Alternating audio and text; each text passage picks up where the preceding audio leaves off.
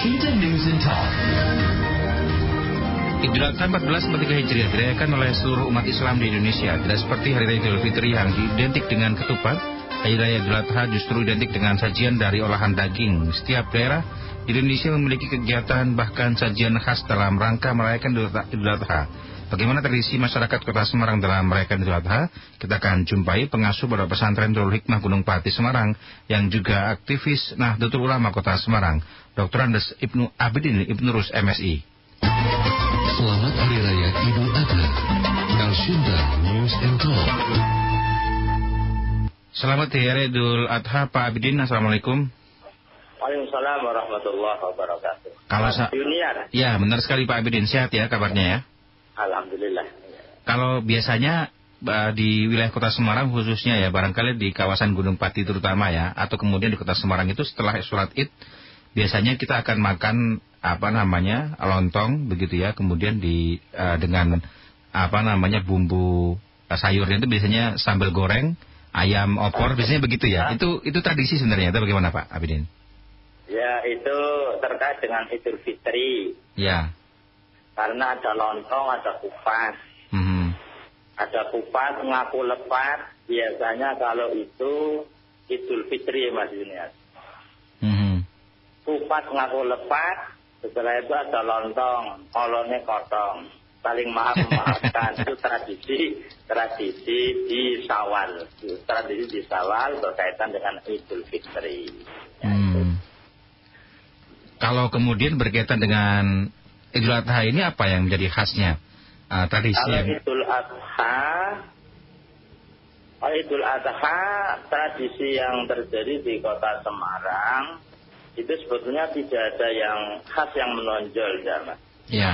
Ya, enggak, enggak, enggak ada, enggak ada setelah paling gini setelah Idul Adha sholat bersama kemudian dikum, apa, berkumpul di musola di masjid untuk makan bersama. Nah itu. Masing-masing jamaah itu membawa makanan sendiri-sendiri, kemudian dimakan bareng, itu yang menjadi uh, tradisi yang sangat baik berkaitan dengan nilai-nilai sosial yang diajarkan oleh Islam itu. Kebersamaan. Enaknya hidup di Indonesia begitu ya atau mungkin di Jawa di Semarang begitu ya pulang sholat itu biasanya langsung kenyang Pak Iya, iya. Itu uh, menandakan bahwa kebersamaan kita masih kuat ya Pak Abidin ya Alhamdulillah gotong royong jangan sampai rusak karena keadaan situasi kondisi semakin modern ya. Mhm. Karena itu ya sulit membangun kebersamaan gotong royong seperti itu kan tidak mudah. ya. Ada juga tradisi megengan ini apa ini tradisi megengan gunungan begitu ya ini tradisi macam apa yang biasanya dikembangkan? Ini Megengan, gunungan ini untuk di wilayah Semarang ini sudah hampir ini sudah hampir hilang. Ini terjadi di Kabupaten Semarang. Kalau di kota Semarang ini di kota di, di bagian pinggiran ya. Mhm. Tinggal di tengah kota ini sudah sudah nggak ada. Wah, eman-eman ya. Eman-eman itu bahasa Indonesia. Ya. Makanya tugas saya panjenengan untuk mengingatkan kembali budaya yang baik, ya budaya bangsa yang sangat-sangat membangun kebersamaan ini harus dijaga ya. Harus dijaga karena itu kekuatan moral, kekuatan agama, kekuatan sosial yang sangat-sangat harus kita pertahankan. Oke, baik. Ah, di dalam konteks Idul Adha ini biasanya memotong hewan kurban ya. Kalau di Jawa Tengah biasa kita memotong hewan kurban sapi, kambing begitu ya. Tapi yang unik di Kudus itu malah kemudian kerbau yang dipotong. Ya, ini Ya. memaknainya bagaimana Pak Abidin? Kalau di Kudus yang dipotong kerbau ini berkaitan dengan eh, kearifan lokal ya. Mhm. berkaitan dengan kearifan lokal di mana hal itu sangat diajarkan oleh agama, oleh Islam. Ya.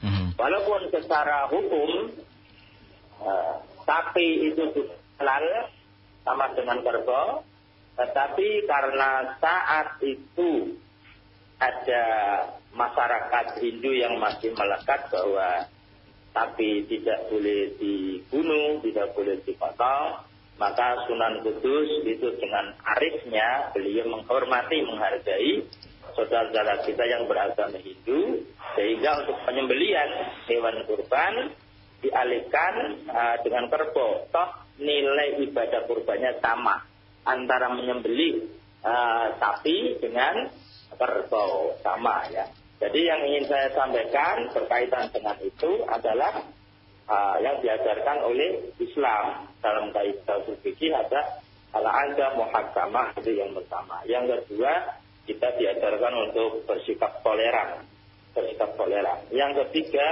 agama selalu ada solusi untuk menegakkan syariat itu selalu ada jalan keluar. Kita harus uh, memahami agama ini dengan dengan baik sehingga agama ini menjadi solusi bagi kehidupan sosial bukan menjadi masalah bagi kepentingan masyarakat. Hmm, baik, sudah ada pendengar yang mau bergabung ini Pak Abidin kita akan sapa ya. Ada Pak Yani di Kendal ya.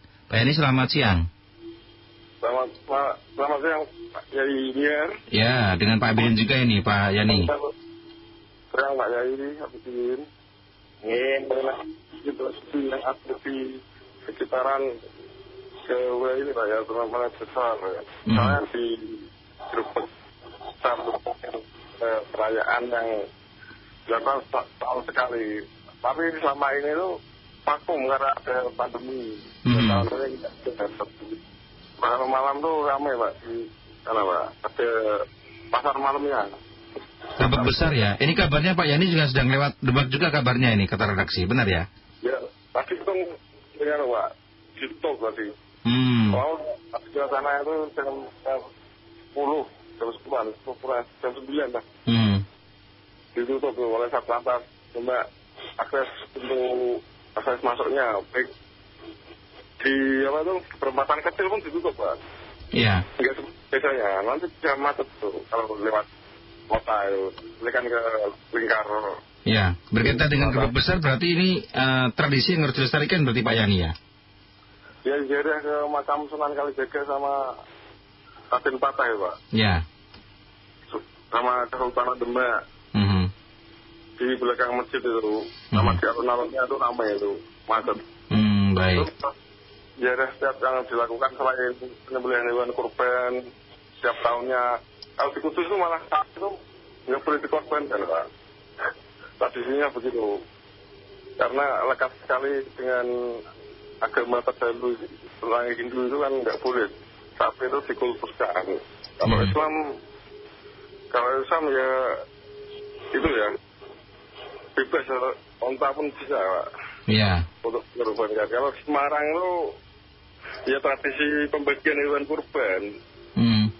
pembagian hewan kurban. Nanti kalau Suro, Suro itu bentar lagi, satu bulan lagi. Karena banyak tradisi ya. Itu Soeharto. Pada Pak.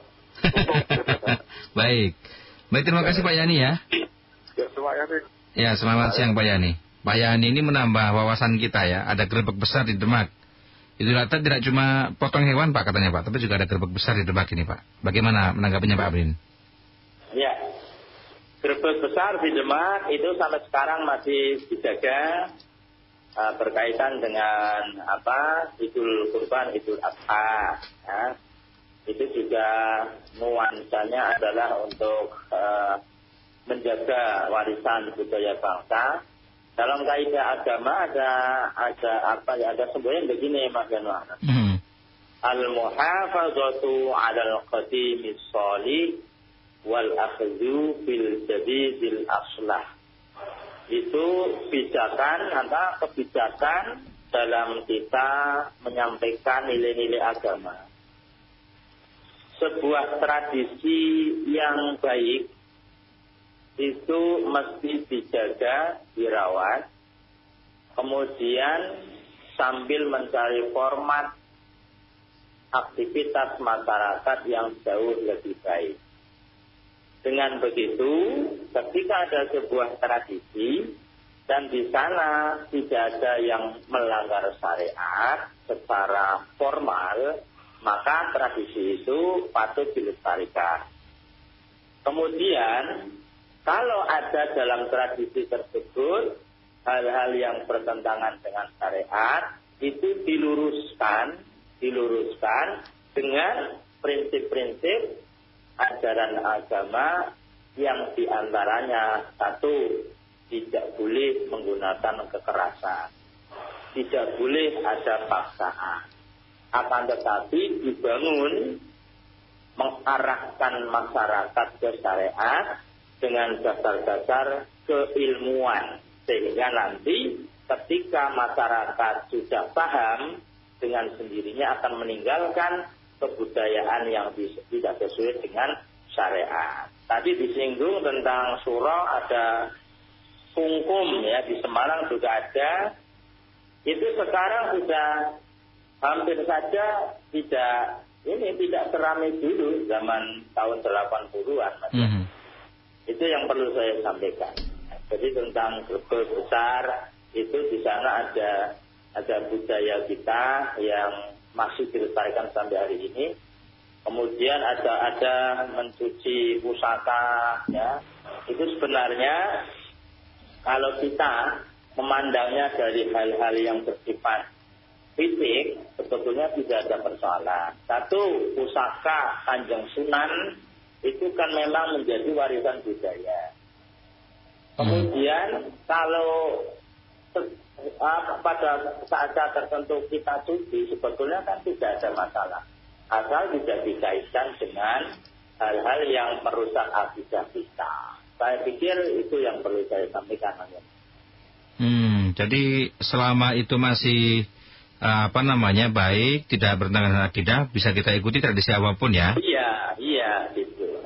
Hmm, termasuk tradisi ziarah sebenarnya juga baik ya ke makam-makam wali begitu Pak Abrin ya? ya. Kalau ziarah itu malah dasarnya jelas diperintah oleh Nabi. Hmm. Diperintah oleh Nabi.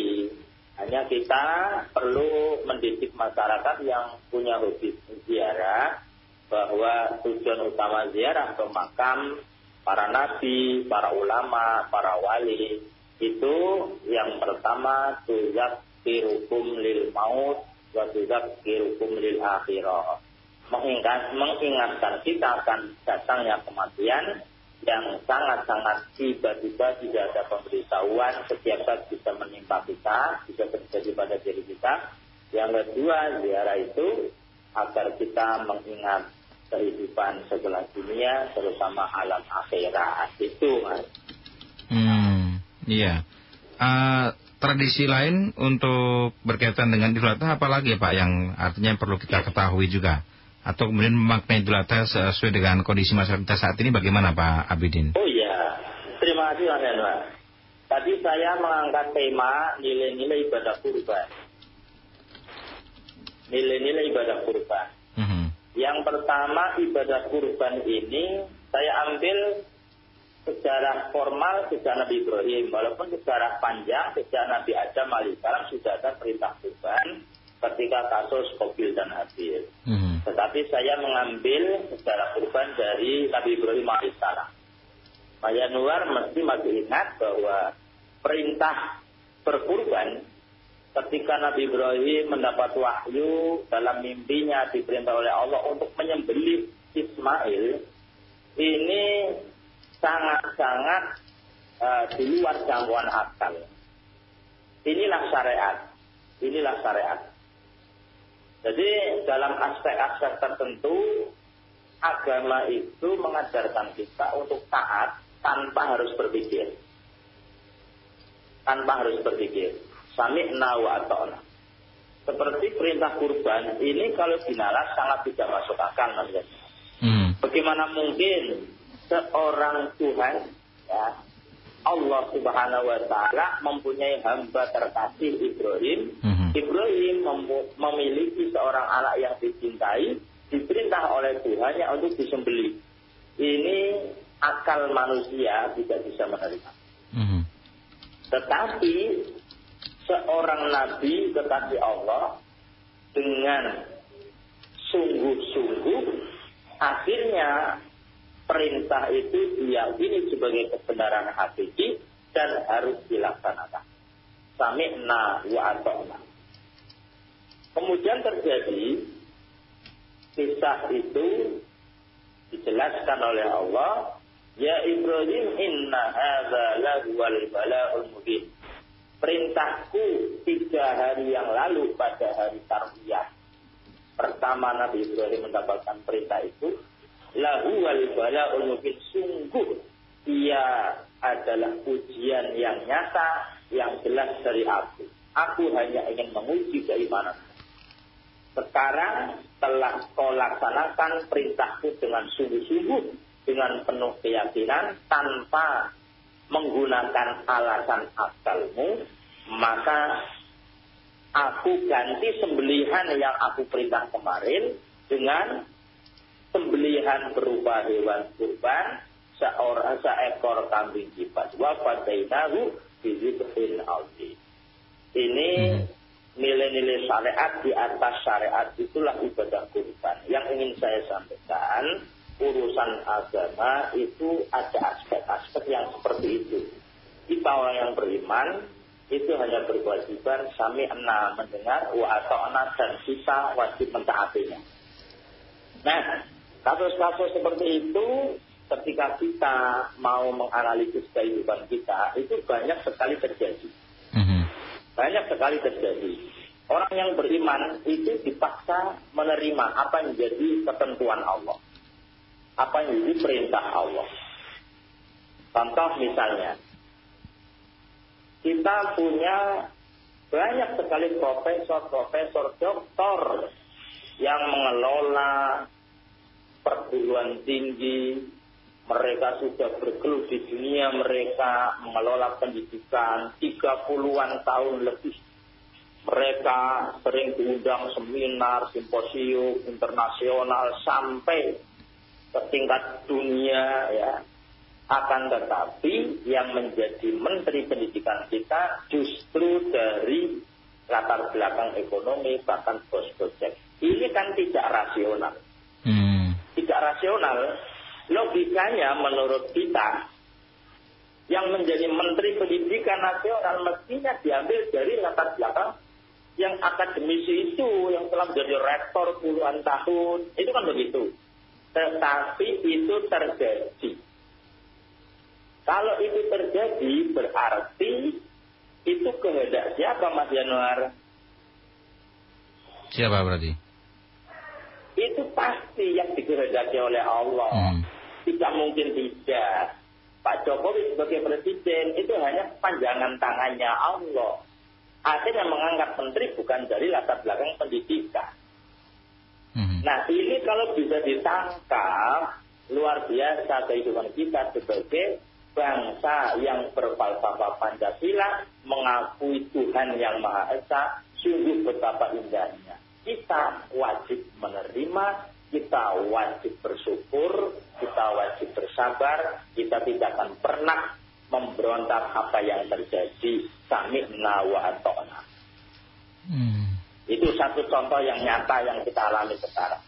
Dari perintah kurban, perintah yang tidak masuk akal, dalam kehidupan kita sering terjadi peristiwa di sekitar kita yang tidak masuk akal tapi terjadi. Kalau begitu, itulah kehendak Allah kita sudah diajari melalui ilmu akidah kita, melalui rukun iman yang kita hafal, yang terakhir adalah iman kepada kubur dan kota.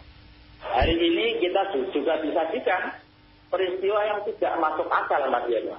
Apa itu, Pak? Idul Adha ini ya? Orang pengasuh pondok pesantren. Oh ya. Hidup di lingkungan pesantren. Hmm logika kita masyarakat, logika kita umat manusia tidak mungkin terjadi pelanggaran asusila. Oh yang di Jombang ini ya Pak Abdul ya? ya? di Jombang. Ya. Tapi terjadi apa tidak Pak Pak Terjadi ya? Terjadi. Kalau terjadi itu kehendak siapa? Manusia semuanya tidak akan pernah mengendaki hal itu terjadi. Maka di ujung pesan Nabi orang yang beriman kepada keputusan qadar ada kalimat khairihi wa syarrihi minallah. Peristiwa yang baik, peristiwa yang buruk, kalau itu sudah terjadi adalah kehendak Allah. maka kita di luar pesantren yang menonton peristiwa itu terjadi tidak boleh kemudian mengekspos besar-besaran seakan-akan itu hal yang fatal tidak. Itu hanya pelajaran dari Allah Subhanahu wa taala. Kita tidak boleh memasukkan orang itu. Dunia ini adalah semuanya Allah buat untuk kita untuk uh, ujian ya untuk ujian. Mm -hmm.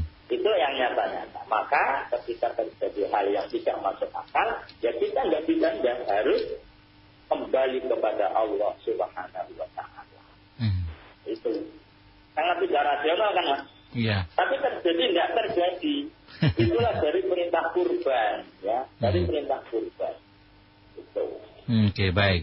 Terakhir barangkali. Kemarin, iya, kemarin dihujani dua tahun wabah corona. Pandemi eh, pandemi para ekonom ya berkumpul bagaimana membahas pertumbuhan ekonomi Indonesia sekian persen sekian persen. Mereka punya akal kerja. Mereka membahas urusan negara bagus. Mm-hmm. Akan tetapi begitu Allah menghadirkan pandemi 700 triliunan lebih dikucurkan untuk menangani wabah corona. Ya kita bisa berbuat apa? Nah, ini sangat penting sekali ini. Ini bukan peristiwa sembarangan. Kita harus bisa menangkap simbol-simbol yang Allah hadirkan di tengah-tengah kita agar kita uh, bisa uh, terus meningkatkan akidah, keimanan dan ketakwaan kita kepada Allah Subhanahu Hmm, baik. Ini, ini baru satu mas ini ya. Masih banyak ya, tapi kita waktunya terbatas juga nih Pak Abudin ya. Iya, Barangkali ya, ada pesan yang mau disampaikan terakhir buat para pendengar kita berkaitan oh, dengan ya. uh, momen Idul Adha kali ini. Ya, sebenarnya saya sampaikan aja dua poin lagi, walaupun sekedar judul. Yang kedua, nilai-nilai keislaman. Ya. Itu kan diajarkan oleh agama. Islam, masa harus paham. Hmm. Yang ketiga, Nabi Ibrahim, Ismail, dan Siti Hajar. Ini tipologi keluarga muslim yang sakinah, mawaddah, warahmah. Karena kembali kepada dasar perintah Allah wajib ditaati tanpa harus berpikir panjang. Itulah nilai-nilai yang ada dalam ibadah kurban. Pesan yang ingin saya sampaikan, kita umat yang beragama. Kita menjadi uh, umat yang beragama, kita bangsa Indonesia, bangsa yang bertuhan, janganlah jauh-jauh dari agama Tuhan, dekatilah Tuhan agar menjadi kekasih Tuhan dan kita menjadi orang-orang mukmin yang mendapatkan rahmatnya Allah dan insya Allah kita akan menjadi orang-orang yang bahagia dunia dan akhirat karena prinsip-prinsip agama yang diajarkan oleh Islam. Saya pikir itu dan kalau kurban menjadi tradisi Islam, saya menghimbau masyarakat yang belum bisa kurban bisa, bisa mulai berhitung sebenarnya ibadah kurban dan haji dan lain-lainnya yang diajarkan oleh agama sebenarnya bisa dijangkau oleh kita. Saya sudah menghitung kalau mau berkurban niat menabung itu sehari tiga ribu satu tahun dua tahun bisa untuk kurban. Ya, tetapi eh, karena belum tahu caranya seakan kurban itu tidak bisa. Mudah-mudahan yang ikut mendengarkan apa yang saya sampaikan ini tahun depan bisa kurban. Amin. Amin, amin. Terima kasih sudah berbincang bersama Ersinta Pak Abidin. Selamat siang, selamat berhari raya kurban Pak Abidin. Assalamualaikum. Demikian pendengar wawancara kami bersama dengan aktivis NU yang juga merupakan pengasuh pada pesantren Nurul Hikmah Gunung Pati Kota Semarang, Dr. Abidin Ibnu Rush, MSI.